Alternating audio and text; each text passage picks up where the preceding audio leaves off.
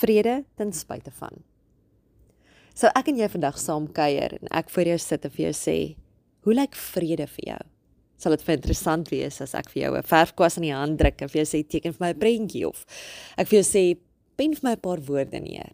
Verduidelik vir my wat jy sien. Wat is vrede in jou kop, jou hart of jou huishouding? Ek wil vandag se podcast begin met Catherine Marshall se storie.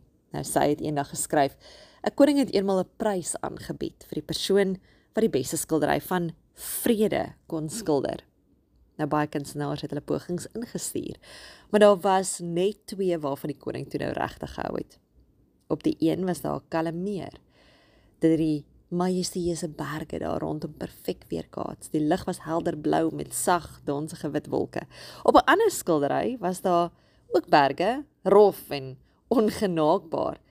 Die lug was donker met stortende reën en stormagtige weerlig maar aan die een kant van die berg het 'n waterval na benede so getuimel. Nou hierdie skildery het glad nie so vreedsaam gelyk nie. En toe die koning dit egter van naderby beskou, kon hy agter die waterval 'n klein bossie sien wat in 'n rotskeer gegroei het. Binne in hierdie bossie het 'n voël haar nes gebou.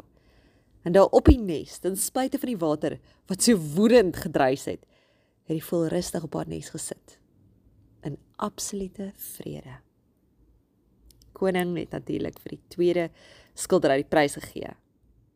Hoekom? Want hierdie koning verduidelik. Vrede is nie wanneer ons op 'n plek is waar daar geen geraas en moeilikheid of harde werk is nie. Nee. Vrede is wanneer ons te midde van al hierdie dinge is en steeds 'n rustige kalmte in ons hart ondervind.